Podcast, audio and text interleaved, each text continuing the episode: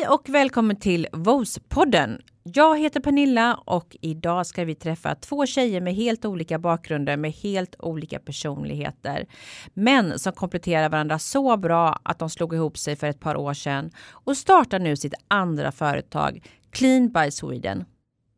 Det kommer vi prata om idag, men även diskutera om att bli starkare efter att komma ur en relation med misshandel.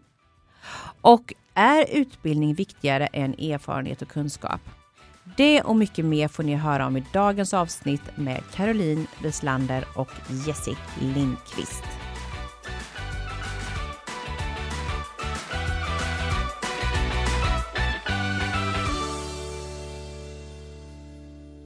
Men tjejer, varmt välkomna till eh, VOS-podden. Tack. Tack så mycket. Hur mår ni idag? Superbra. Ja men verkligen. Det Strålande sol, våren är här. är ljust och härligt. Gud vad gott. Ja, verkligen jätteskönt. Normalt brukar jag ju intervjua kvinnor som har gjort en egen resa i sin karriär eller en egen livshistoria som de berättar om. Men idag ska vi prata om er entreprenörsresa som ni tillsammans har startat med nya produkter på marknaden. Och som ni precis har lanserat. Så det är ju superspännande och sp- speciellt att det produkter för miljön, väldigt bra produkter för miljön. Ja, exakt, exakt. Men först lite grann om hur ni hittade varandra och eh, med ganska olika saker i ryggsäcken. Är det inte så? Lite? Jo verkligen. Jo, verkligen. Ja. Ni är ju båda uppvuxna i Stockholm i alla fall. Eh, och förutom att du hade lite avstickare där. Exakt, Gävle. några, av, några Caroline. avstickare. Ja, Exakt. när du var 16 sådär så eh, blev du kvar själv i Sverige och dina föräldrar flyttade till Ja, utomlands va? ja exakt. Berätta lite. exakt. Mm. Eh, det är en lite speciell bakgrund kan man säga. För att jag eh, eh, Min mamma flyttade då till Frankrike när jag var 16. Min pappa flyttade till Schweiz redan när jag var 12. Eh, så jag blev egentligen kvar i Sverige. Eh, och jag var redan då en eh, ganska självständig individ på, på vissa sätt men var också ganska ung. Eh, och visste inte riktigt hur världen fungerade så. Eh, jag kommer aldrig glömma första gången som jag eh, fick hem fakturer eller räkningar. Ah. Och de liksom blev, högen blev bara högre och högre och högre och jag förstod inte för de försvann inte. Nej. Jag var så van låg vid kvar att, där. Ja, de låg kvar. Jag var så van vid att man fick eh, sina räkningar och sen så försvann de efter ett par dagar. Eh, så då gick jag, ringde jag gråtandes till mamma kommer jag ihåg, sa hon så här, du får gå till banken. Ah. För de måste betalas. Så gick jag till banken så träffade jag världens bästa eh, bankkvinna. Sån här, skulle gå i pension om ett år, brysk. Eh, ehm, så, och så sa hon så här, skällde hon på mig och så sa hon så här, nu ska jag visa hur du betalar. Eh, och nu ska jag visa hur du hanterar permar. och eh, ja, så efter det så eh, blev det lite ett uppvaknande för mig. Jag fick en ganska snabb ehm, eh, syn på att det är jag och bara jag som kan påverka min egen framtid. Mm. Och det var ingen som, som inte, inte det att mina föräldrar inte ville hjälpa mig men de, ja jag, jag körde på själv helt Mm. enkelt och de var där borta. Ja, vad lärde du dig liksom av det? Vad kände du? Du, blev ju, själv- du var ju självständig innan men Ja, jag lärde mig att det var så himla viktigt att påverka sin egen framtid. Jag lärde mig hur eh, mina val i livet eh, res- påverkade liksom resultatet av vad som blev. Och att ville jag bli någonting så, eh, så var vilken väg jag än gick, nu valde jag att plugga men eh, det var ingen som hjälpte mig vad jag skulle plugga eller vad jag skulle söka in utan jag förstod att så här, det, det var bara att och, och kämpa sig fram och om inte jag får in pengar då för mina föräldrar satte i princip stopp där vid 18 eh, från att ha gett, varit väldigt generösa. mm. Så att för mig var det bara att ehm, Ja det var bara att om det skulle komma in pengar så var det jag som skulle ordna det och då fick jag se till att, att göra det helt enkelt. Mm. Vad, men om du, hade, om du har en egen dotter idag, skulle du göra samma sak? Eller kände du att det var mer nackdelar än fördelar att liksom ändå bo? Nej, jag, jag skulle inte göra på samma Nej. sätt för det var väldigt hårt. Ja. Eh, mina föräldrar gav mig i princip allt jag pekade på fram tills jag fyllde 18. Jag kommer ihåg att innan så var jag så här, jag vill ha en häst. Så stod det en häst i stallet en vecka senare. Och gå från det att över natten i princip få höra så här, men nu är du 18. Nu, är du, nu får du klara dig själv. Det blev ett ganska, det blev ett ganska hårt, en hård övergång så istället mm. för att istället för att och vara där och hjälpa mig kanske mer mm. i början. Och jag tror inte att det var deras mening heller utan de var i sina länder och det kanske inte förstod alla gånger att jag inte förstod mm. hur man skulle göra. Vad har det format dig idag tror du? Och en enorm överlevnadsinstinkt. Eh, som, som jag märker kommer fram om jag hamnar i knipiga situationer. Som också har gjort mig till typ jordens största hustler. Jag är mm. den bästa hustlern på planeten. Eh, men också kunna ta mina egna fighter.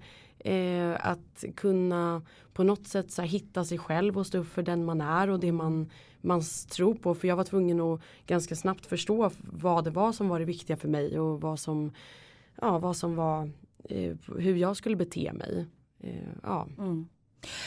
Sen pluggar ju du efter gymnasiet både psykologi och arbetsmarknadskunskap och entreprenörskunskap. Men inte på samma utbildning dock. Men Nej, hade precis. du svårt liksom att ändå välja vad du ville ja. bli? Och det är inte så konstigt. Man Nej. är inte så gammal och så att man Nej, precis. Eller hur kände du? Nej, jag pluggade, jag pluggade på tre olika universitet. Eh, Stockholm, Linköping och Gävle. Eh, jag pluggade 200% och jag pluggade då tre olika eh, utbildningar.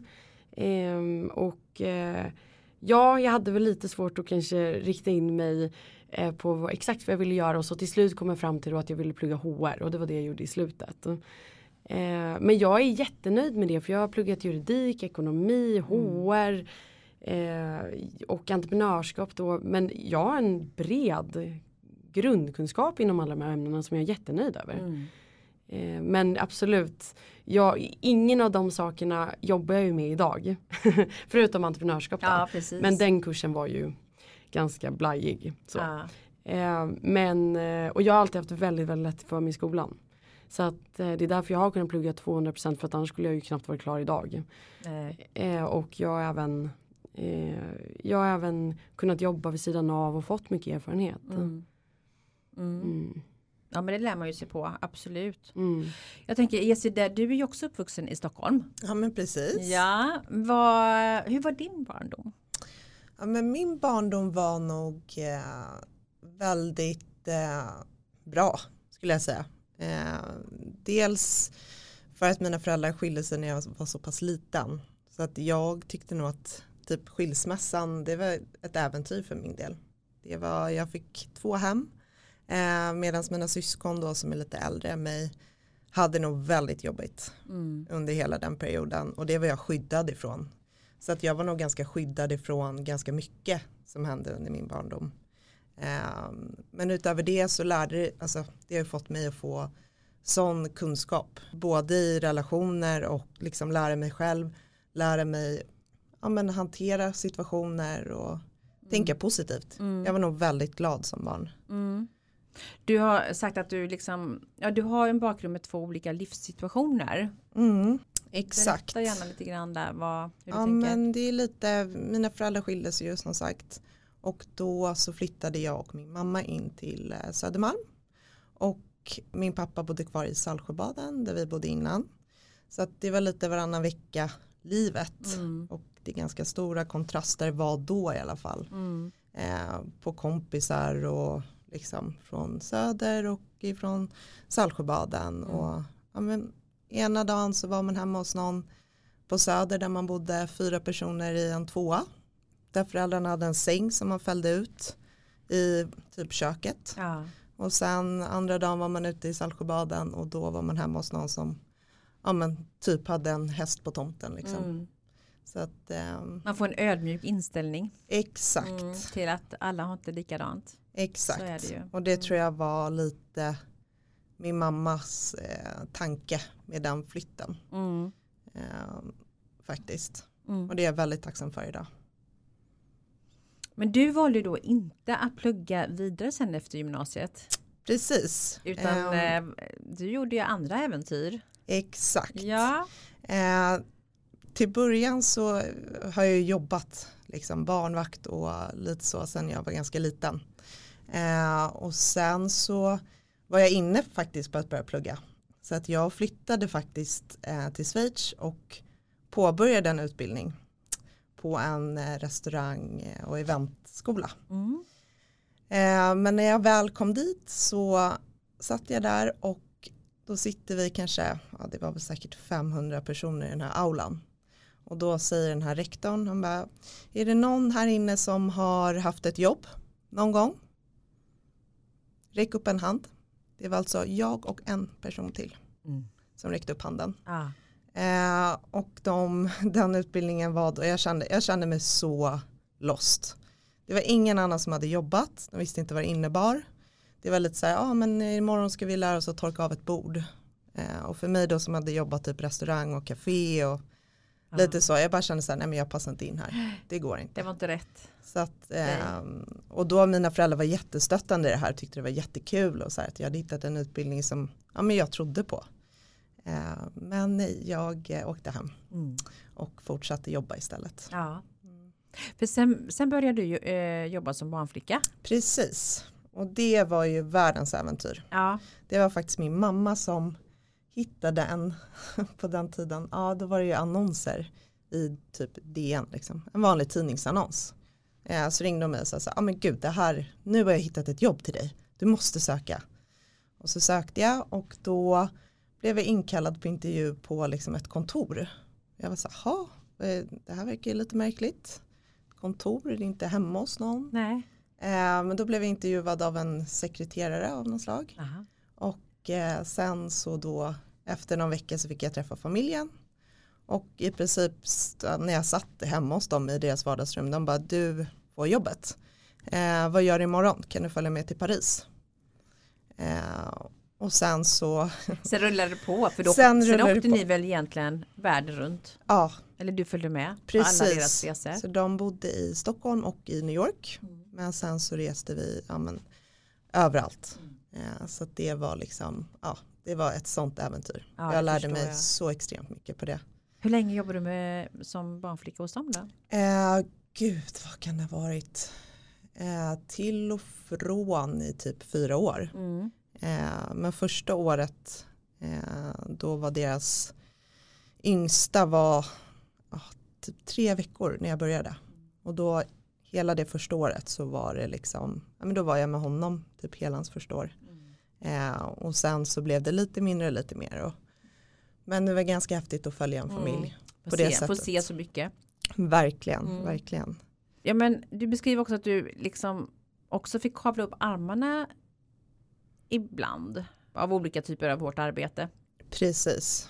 Och det var ju alltså dels när man är, är liksom barnflicka så är det ju alltså allt från ja, men torka blöjor till att vara uppe mitt i natten eh, tills typ när man jobbar restaurang då är man ju med i alltså, mm. de konstigaste situationerna eh, ja, men, överlag event också. Mm. Det är många som tror att det är väldigt glamoröst. Och, så är det ju. Och så. Men eh, då kan jag säga att man har stått i minus 30 och typ ja. delat ut eh, smörgåsar och byggt tält eh, och rensat toaletter och lagt ut mattor och så. Mm. Så det är mm, det är ja. precis, det är bara, man ser bara en sida av event. Man, man ser inte det som är bakom. Exakt. Så ja, jag har ju också jobbat med ganska mycket event innan liksom, så jag vet att det, det är blandat.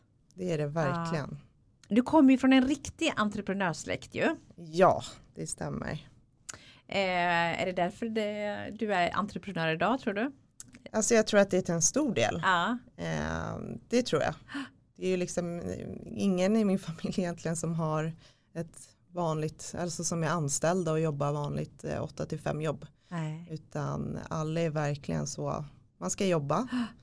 Eh, man ska jobba mycket. Det är nästan lite sådär att man inte vågar säga att man ska på semester. Nej, det är så. så det ska man inte göra. Nej, det har präglats hela släkten. Verkligen. Ja.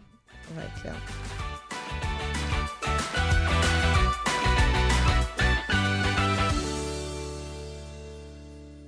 Men du, när vi är inne på din släkt lite. Mm. Så när vi pratade sist mm. så berättade du en lite speciell sak som hade hänt i din släkt?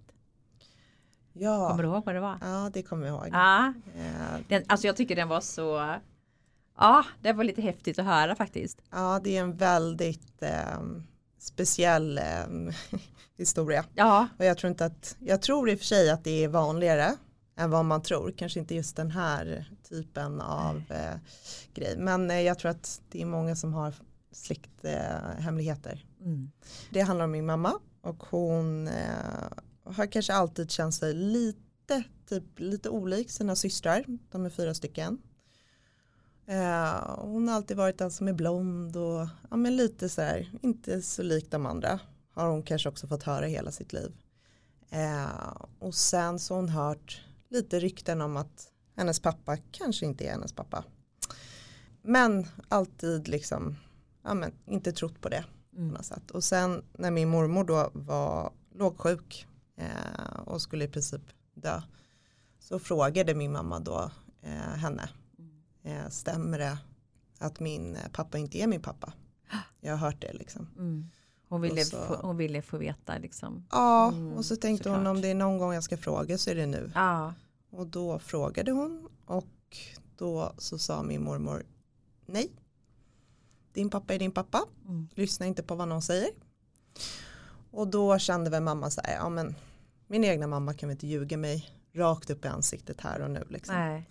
Så att hon eh, struntade då i alla de här ryktena och åren fortsatte och när hon var ja, runt 50 så um, berättade hennes faster då som var i princip den enda kvar i livet. Mm. Då sa hon att eh, jag måste berätta det här för dig. Eh, din pappa är inte din pappa. Och då kändes det som hela den här karusellen kom upp igen. Mm. Och då var min mamma så här, okej, eh, jag hör vad du säger men jag har svårt att tro på det. Så att eh, jag kommer göra ett DNA-test med mina systrar och så här. För att få det här svart på vitt i så fall. Och det gjorde hon och hon fick det svart på vitt. Mm. Och då var det inte så bara att hennes pappa inte var hennes pappa.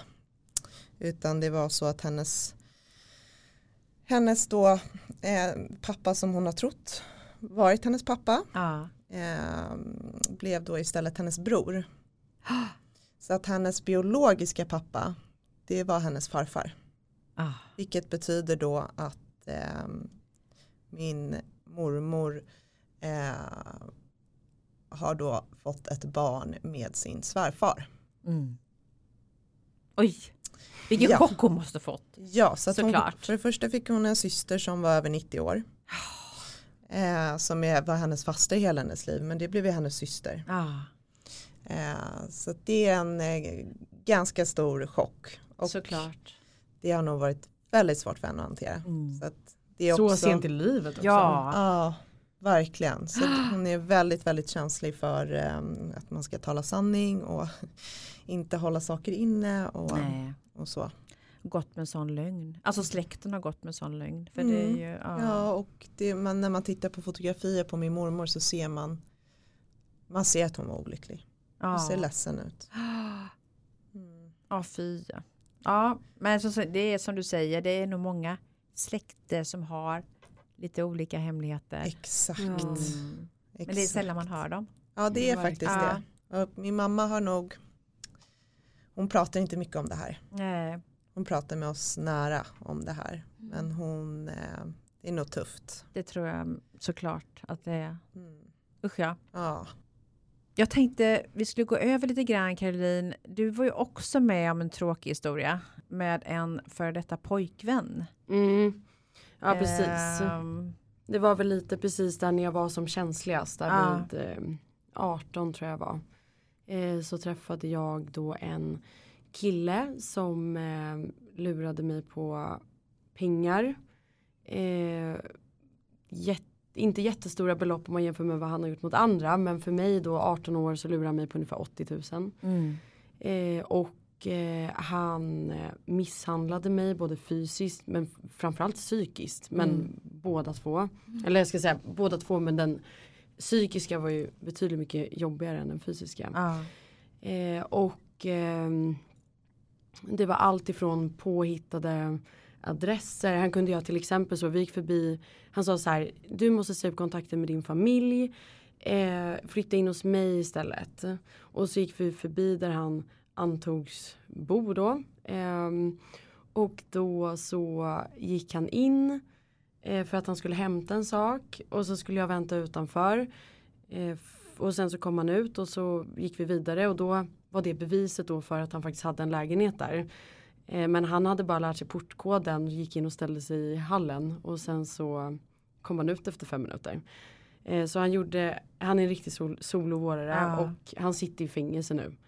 Eh, för att ha lurat Andra. äh, både kvinnor och, och män Mm. eh, på massor med pengar. Eh, senast nu var det en och en halv miljon. Mm. Hur var den tiden att liksom leva ihop med en sån? Eh, den var väldigt hemsk. Man tippar på tårna, man försvarar för alla, alla mina kompisar försvann. Jag sa upp mig från jobbet för att börja jobba på hans företag som inte fanns. Vi, eh, ja det, det blev så, det blev väldigt illa väldigt snabbt. Eh, och min familj, eller ingen visste ju om det för att man Nej. försvarar en sån person. Och jag som var så, jag var så otroligt stark som person och har ändå två föräldrar som alltid har sagt att såklart om någon rör dig eller be- beter sig illa på något sätt så måste man gå därifrån. Eh, jag kan säga idag att jag är jätte, jättetacksam för att jag var med om det. Återigen en, en dyr läxa och Ja. en ganska tuff läxa.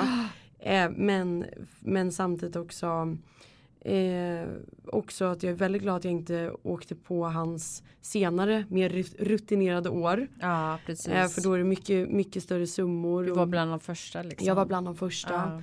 Hur hanterade du det? När du liksom var i det?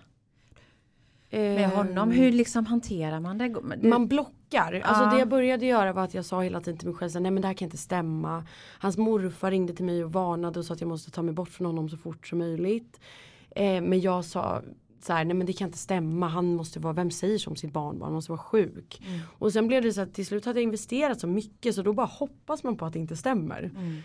Eh, man bara typ säger nej men man kommer med bortförklaringar, man pratar bort det. Eh, man vill inte berätta för sina kompisar, mina kompisar försvann en efter en. Mm. Jag kunde inte berätta för min familj för att jag hade investerat för mycket.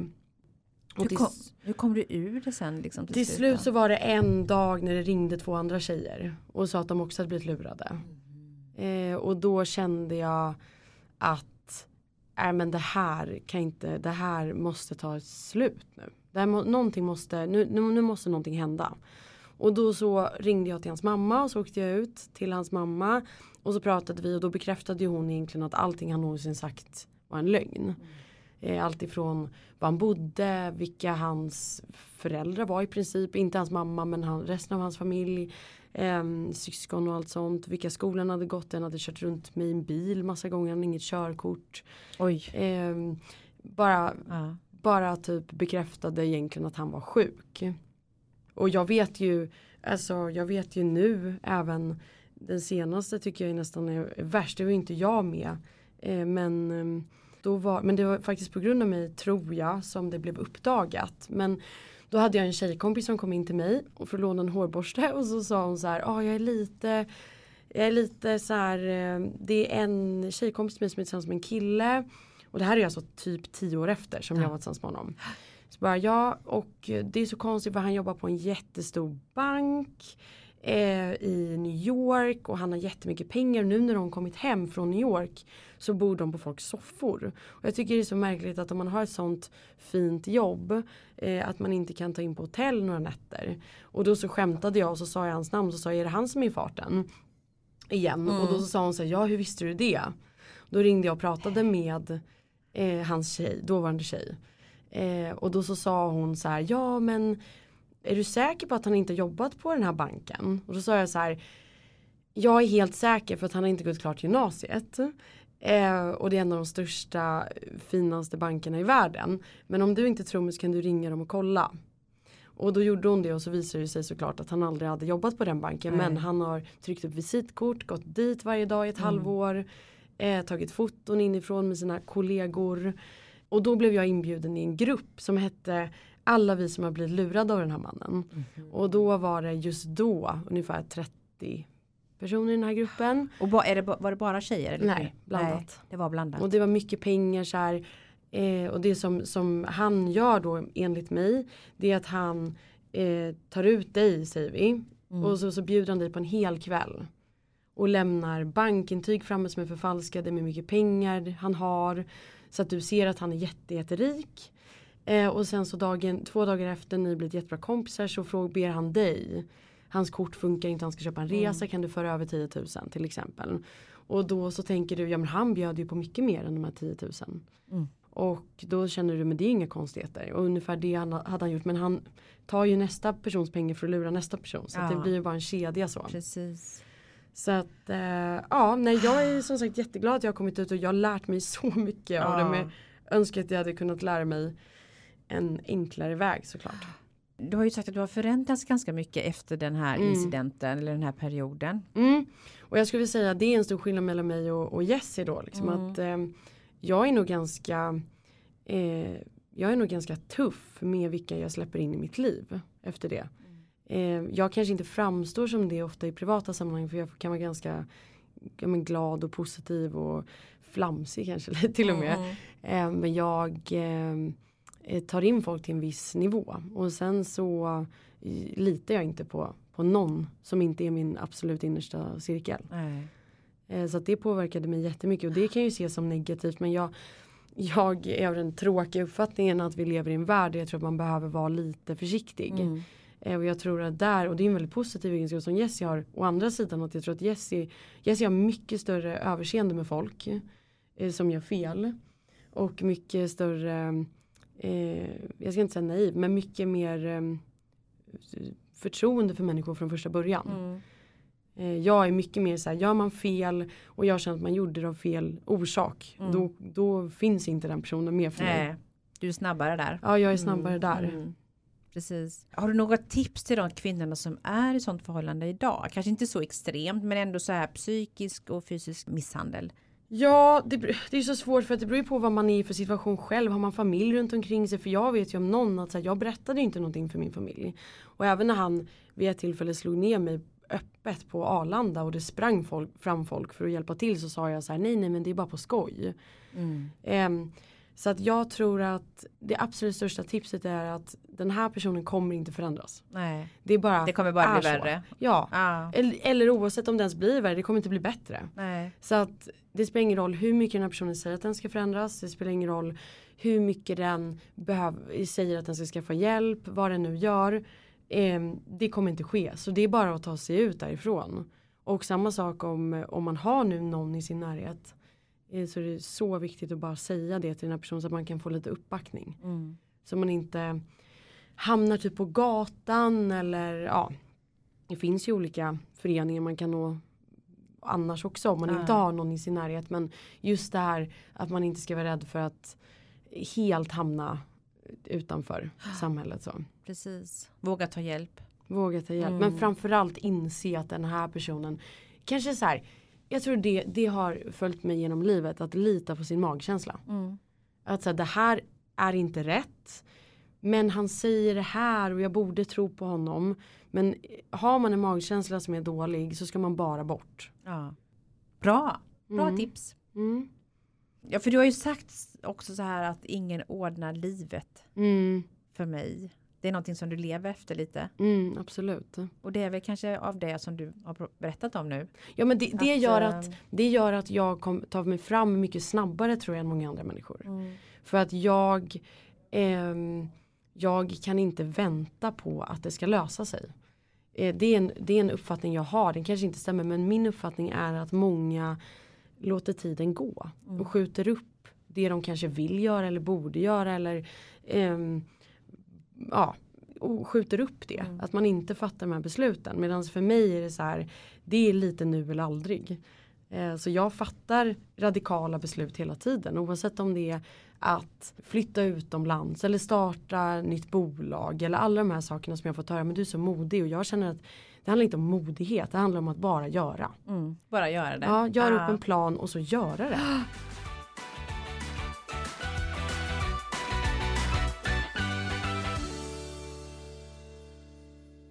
Har ni inte varit inne på vos.se så tycker jag att det är god tid för er att göra det nu.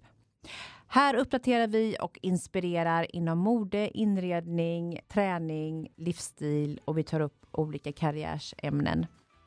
Gå gärna in på vår fina e-handel och shoppa bland olika märken och eh, vill ni följa oss bakom lite grann så är det bara att eh, gå in på behind the scenes.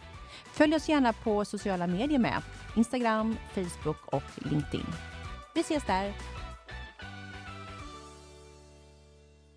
För du startade ditt eh, första bolag 2015 Mm. där du erbjöd då en eh, assistans i hemmet egentligen. Ja, exakt. Allt ifrån att hämta och lämna på dagis till att källsortera eller ta hand om någon gammal mormor. Ja, Eh, eller ordna ett bröllop.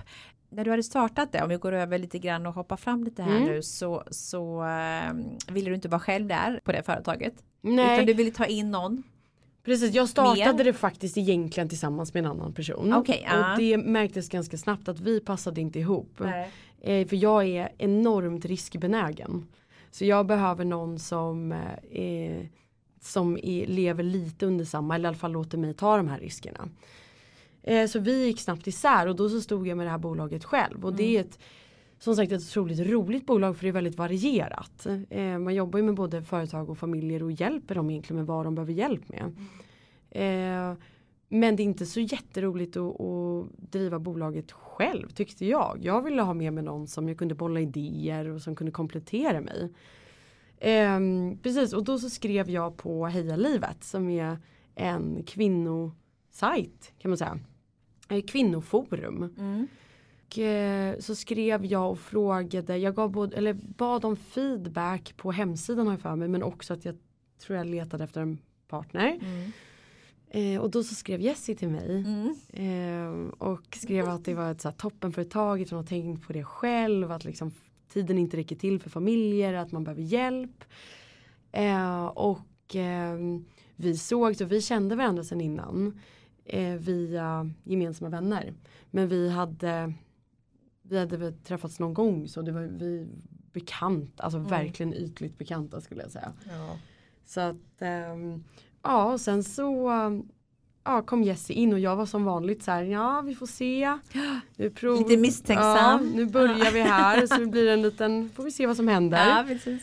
Ehm, men ehm, det gick hur bra som helst. Och nu fem år senare, eller ja, fyra då kanske. Fyra och ett Ja, det är typ fem år, ja, tror jag. jag tror att det Ja. är ungefär fem. Ja. Så Så hänger ni ihop ja, fortfarande. med vårt andra bolag. Ja. har vi två bolag. Men eh, hur kompletterar ni varandra då? Ja, Ja, alltså, det är, men vi är så olika. ja. Ja, ni är ju det ju så Ja. det är kul att höra lite grann hur ni Ja, men det, vi kompletterar varandra hela tiden och Ah. ibland utan att vi ens vet om det skulle jag säga. Exakt. Alltså och det här med ja. att Karo är så, om hon ska få saker gjort eh, och ibland går det lite för fort, då får jag liksom hålla henne i ett koppel mm. eh, och säga att nej, nu ska vi vänta in det här innan vi gör det här. ja. Och då är hon liksom halvvägs, eh, halvvägs fram. Eh, men å andra sidan, är, alltså vi, Karo drar mig framåt, jag drar tillbaks lite. Ah. Alltså, Mm. och det är nog så, det är nog därför att vi har lyckats så bra som vi har gjort. Mm. Och just också att så här, ibland kan jag bli så här, "Åh, nu funkar inte internet på kontoret.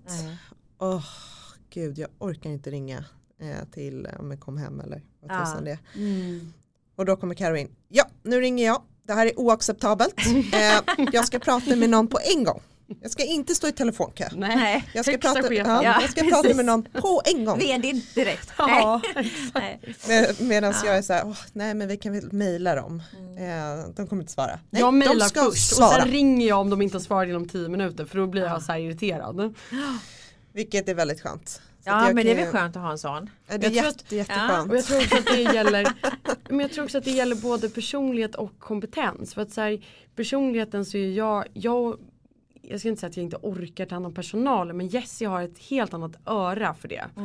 Hon lyssnar gärna på folks problem och liksom om, om det är någonting. Hon har en helt annan ödmjukhet medan jag är mer så här vad leder det här till? Jag vill ha resultat. Eh, och om du vill se ett problem så hittar vi en lösning på det nu. Eh, Du är när- mer radikal kan man säga. jag är mer radikal Ja. så. Eh, och sen så när man tittar på ett, eh, ur ett kompetensperspektiv då så har vi ju helt olika kompetenser. Mm. Eh, jag, jag är mer med siffror. eh, jag är mer så företagsam kanske på det sättet och mer med ehm, skriva och lite så. Medan Jessie är den kreativa. Hon är den som gör alla presentationer. Ah. Hon är den som Idésprutan lite. Ja och marknadsföring. Eh, lite bredare så. Eh, ja men lite mer kreativ helt enkelt. Mm. Jag är mer så företagsinboxad på något Mm. sätt. Det är ändå kul att det är mest jag som jobbar med typ HR-personal. Ja. Men det är Karo som har pluggat Ja, innan det. Precis. Vill absolut inte jobba Nej. med Nej, det. För jag vet ju att eh, det är en del som ändå frågasatte Jesse där just att du, du valde inte att plugga vidare och flera har även tyckt att eh, kanske att du inte skulle ha liksom lika hög lön för att du inte har någon utbildning. Absolut. Eh, vilket jag tycker är helt konstigt. Eh, jag tycker att eh, för mig är erfarenhet och kunskap klart värt mycket mer än utbildning. För mig med. Ja, bara, säga. bara arbetar ni efter ja. Ja, vi, vi, när det gäller liksom era anställda och så. Ja vi har ju, jag skulle säga att vi drar exakt samma lass. Mm. Och jag kan även säga från tiden när jag pluggade att jag pluggade mycket för att få det på papper. Och det är klart just inom juridik och ekonomi så lärde jag mig mycket. Men när jag kom själv och, och skulle plugga HR.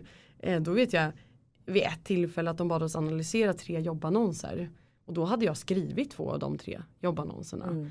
Eh, Så att jag kan säga att jag lärde mig betydligt mycket mer att jobba med HR än att utbilda mig inom HR. Och det är ju i princip det som Jessie har gjort. Mm. Så att jag skulle säga att vi drar samma lass, vi är bara duktiga på olika saker. Mm. Kanske därför till exempel som jag är duktig på att skriva för att jag har skrivit hur många år som helst när jag har pluggat. Mm. Eh, Men just eftersom jag är dålig på att göra det här kreativa så kompletterar ju vi varandra exakt. Så att om jag ger henne innehållet så fixar den ordning det så att det ser bra Ja. ut. Det är väl bra? Ja, så det skulle jag, vi, jag tror inte att vi skulle vara ens hälften så bra utan varandra.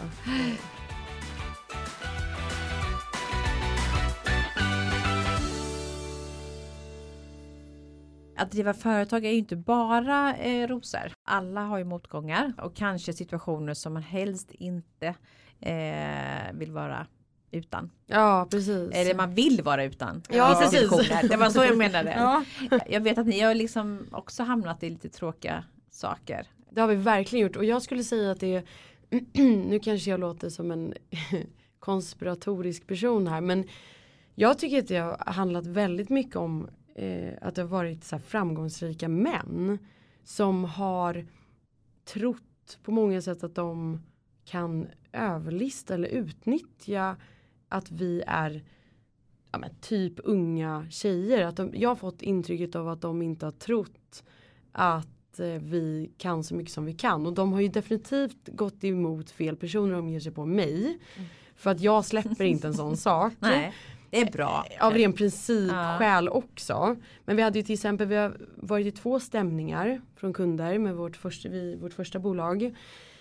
Eh, och där så var det en kund som han blev jag skulle säga att han blev, eh, han fick problem med sin psykiska hälsa eh, vid ett tillfälle. Och, eh, men vi hämtade honom på Kungsgatan där han gick utan skor. Eh, han blev utslängd från i princip alla eh, hotell eller resor eller någonting vi bokade. Eh, och till slut när jag sa till honom att så här, tyvärr vi kan inte ägna, du har bara så här många timmar, vi kan inte lägga två personer heltid på dig. Då blev han så sur så att han vägrade betala sina fakturer. Och så det fick vi ju gå till rätten med. Där vi vann. Eh, samma sak med en annan kund som det var alla bevis var till vår fördel. Alltså Mm. alla bevis. Vår advokat kunde inte för sitt liv förstå hur den här människan kunde eh, ens inte betala sina fakturer. Just för att, och det här är en annan kund då. Just för att det var så tydligt enligt vårt avtal att han skulle betala. Eh, och samma sak där. Det drog ut på tiden, jag tror det var två år eller någonting sånt. Ja, ett vad och ett halvt år. Och han trodde garanterat att vi skulle backa. Och till slut så gjorde vi inte det. Och sen typ en dag innan det skulle avgöras. Så eh, drog han sig ur. Mm. Men är det lite typiskt, känner ni då att det är oftast män Alltså just det, Ja. just det fallet som, som vi ni har med om, om. som vi pratade om Ja. sist. Mm. Där var det inte bara liksom Karo och jag som fick lida av. Nej. Utan vi hade ju faktiskt en anställd Mm. som var men, hur fantastisk som helst. Mm. Och hon förstod inte vad hon hade gjort för fel. Hon hade inte gjort något fel i Nej. princip. Och eh, säga till någon som är 21 att eh, du har inte ditt jobb kvar. Mm. Eh, som gör också ett jättebra jobb. Ja, det är tråkigt. Mm, väldigt svårt. Det är tufft eh, att få höra det och det var tufft för oss att berätta det för henne och vara Ja. stöd för henne och sen senare eh, berätta för henne att eh, hon eventuellt måste vittna framför Ja. de här Mm. personerna och eh, det var tufft. Mm. Riktigt tufft. Och där kan jag, jag kan känna att, att ehm, ja, men det, det känns lite som att det påverkar oss, framförallt mig tror jag. Eh, I hur man är, det här hur man är som kvinna som entreprenör. Mm. Eh, som jag har ställt mig frågan själv många gånger. Jag tycker det är väldigt intressant för att jag pendlar lite men jag blir ju gärna den här tuffa. Och det är egentligen Egentligen är det tvärt emot min personlighet. Folk som bara träffar mig privat skulle säga att jag är den liksom gladaste, hoppigaste Mm. eh, någonsin med typ obegränsad energi. Mm. Medans på jobbet så blir jag lätt den här strikta, hårda, med tufft yttre för att jag tror att det behövs. Mm. För att man inte ska bli överkörd i många lägen. Framförallt när det handlar om äldre. Vi har även haft pitchade för en investerare som ändå kontaktade mig en gång. Eh, samma sak där. Han, det är skillnad på att säga så här, ja men vi är inte intresserade. Mm. Mot att säga att bara, bara vara elak. Mm. Och säga elaka saker. Och jag märkte att han gjorde det bara ur ren maktposition. Varför, Eh, varför är det så tror ni då? Nej men alltså jag, jag tror överlag att eh, framgångsrika äldre män väldigt ofta tror att de kommer undan med det. Mm. Och för dem handlar det om business. Jag tror inte att det är någonting personligt. Jag tror att de känner att så här, här finns en möjlighet för mig att slippa betala den här räkningen. Eller typ att den, som den investeraren så tror jag bara att jag tror bara det handlar om ren ja, ren jag inte säga Mm. maktmissbruk men jag vet inte. men alltså det känns så gammalt. Mm. Det är ju 2021. Mm. Och det känns sånt, alltså så gammalt Men han var ändå beteende. 65. Ja. Så att jag tror det är väl en, jag säger att det är en utdöende art. Ja. Hoppas jag.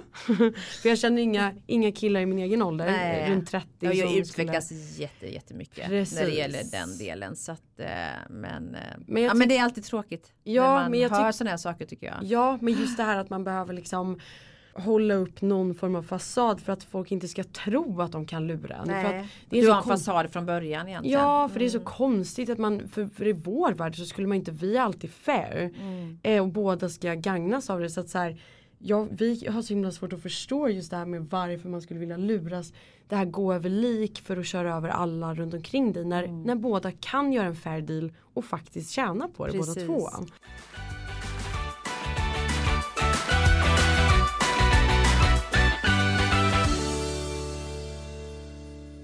Jag tänkte vi skulle prata om lite roliga grejer nu. Ja. Nu har ju ni startat ett nytt företag. ja. Eller egentligen har ni precis lanserat det. Ni har ju varit igång ett tag såklart. Men, men ni har ju precis, eh, eller ni är precis i startgropen med lanseringen. Exakt. Med företaget Clean by Sweden. Ja exakt. Ja. Så roligt. Ja. Eh, alltså ni måste ju bara berätta, hur kom ni på att starta Clean by Sweden och vad är det för? Ja, eh, det var så att vi hade eh, någon månad när vi satt med eh, Savör då som är vårat conciergeföretag. Och sen hade vi en månad där det var, för när det blir tjänster så blir det väldigt specifikt vad folk förväntar sig. Så att om man till exempel vill att någon kommer hem och städar och sen så vissa vill ha mer städat och vissa andra städat. Så det är väldigt så förväntan baserat. Ehm, och sen så kände vi så började vi kolla lite på produkter som fanns och så kände vi så här men herregud hur kan det komma sig att jag går upp varje morgon äter en avokado eh, tvättar mitt hår i, i typ det naturligaste du kan tvätta det i ungefär grönsåpa typ. Eh, köper bara ekologisk mat försöker tänka på miljön i allt jag gör. Och sen så tvättar jag mina kläder med typ frätande medel eh, som eh, du absolut inte får äta. Du typ måste magpumpa som du får i dig det. Mm. Och det är någonting du ska ha mot din närmsta hud. Du ska sova i det. Så då så tänkte vi att här finns det någonting att hitta någonting bra i. Och då är det ju så att det är till att börja med, vi har fler produkter men till att börja med nu så har vi valt att, att lansera med tre produkter och det är Mm. tre tvättprodukter. Så det är tvättmedel, sköljmedel och ett fläckborttagningsmedel. Och tvättmedlet är i form av en torkad frukt. Mm. Så att det är ett fru- torkat fruktskal. Så att ehm, det du gör är att du egentligen tar fem sådana här små fruktskal, stoppar en liten tygpåse, lägger in med kläderna eh, och så tvättar det. Och det är nämligen så att det här trädet som det kommer ifrån har ett ämne i sig som ska skydda trädet från bakterier. Så att det är ett helt inte besprutat ingenting utan det är helt naturligt ett tvättämne i de här Mm. frukterna. Mm. Eh, och sen har vi sköljmedlet då, då som är baserat på kan säga, eller influerat av min mormors gamla eh, husmorsknep. Ehm, Med ättika. Ja, bland annat med ättika, Ja. precis. Och det har ju, eller det är baserat på ättika kan man säga. Sen är det ju massa andra saker i också men eh, och ättikan gör ju då förutom att det är helt naturligt eh, för man har ju alla har ju hört att man ska inte använda sköljmedel för det är inte så bra för kläder och miljö och hälsa. Eh, men det här är jag ska inte säga att det är tvärtom, det är inte bra för det men det är inte heller dåligt. Utan det har i princip ingen påverkan. Det det gör är då att, som är det mest fantastiska tycker jag, förutom att tillsätta en god doft och göra kläderna, mjuka upp kläderna så har det även en, det tvättar maskinen vid varje eh, tvätt. Mm. Så det tar bort fett och avlagringar och så. Mm. Så att det är egentligen bara ett Så plus. tvättmaskinen håller sig längre Precis. innan den går sönder. Exakt. Så bra. Ehm, och sen så har vi då Jag har precis köpt en, en eh, ny tvättmaskin. Ja du har det! Ska vi förlänga livet för den? Ja precis, det låter bra. Ja, Nej, men och sen så har vi det här fläckborttagningsmedlet då. då. Eh, och det är också helt naturligt och ekologiskt. Eh, och eh, ska tilläggas att det är ju faktiskt så att eh, tvättmedlet innehåller inte de här frätande ämnena. Eh, så att fläckborttagning, fläckborttagningsmedlet i det här eh, i den här situationen är faktiskt väldigt viktigt att ha. Mm. För att det kan behöva kompletteras. Och har du en fläck så är det inte säkert att själva fläcken går bort av tvättmedlet. Själva bakterierna dör. Mm. Men att den synliga fläcken kan ibland bli kvar. Så har man fläckar så brukar vi säga att man alltid ska använda det här fläck. Så man mixar det med tvättmedlet då? Ja eller har man en riktig fläck så kan man lägga på eh, och låt, gnugga in det låter det vara 15 minuter och sen in i maskinen. Mm. Eh, alternativt ta in lite i maskinen. Men man ska ändå tänka på att för att oftast är det så här, du har haft en tröja två gånger. Du behöver inte tvätta den i frätande syra. Det räcker med att du tvättar den med så att bakterierna dör. Så att du fräschar upp den. Eh, Det är ju väldigt sällan som du har varit ute och rullat runt i avföring typ. Mm. Men ni skriver att det är återanvändning användning på det Mm. också? Exakt. Så att egentligen så här, prismässigt så är det ju lika samma pris som för ett vanligt tvättmedel för att man kan återanvända det upp till fem gånger. Eh, de här små fruktskalen. Eh, Jaha, man kan, jaha, man kan tvätta om det? Ja, så att du tar ut dem och så torkar du dem. Och sen så stoppar du in samma igen. Upp till fem gånger. Om man vill göra det. Spännande. Ja. Så att det är väldigt då såklart. Det är jättemiljövänligt. Eh, och det är väldigt, väldigt bra för hälsan. Eller bra för hälsan återigen är det inte men det är inte dåligt för hälsan. Mm. Så det vill säga att det är väldigt bra för eh, allergiker. Det är jättebra för barn. Mm. Eh, och det är bra för vanliga människor också. Eller andra människor också. Men eh, extra bra för dem. Ja men vad kul. Hur har det mottagits nu då efter lanseringen?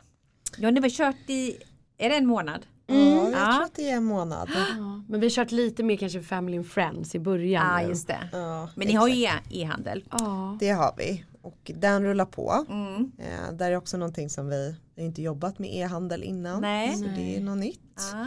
Eh, väldigt spännande. Men vi har fått väldigt bra, vi har inte lagt eh, så supermycket pengar på marknadsföring och så. Eh, men, vi har, ja, men vi har fått så bra ja, med kontakter och ja. respons. Mm.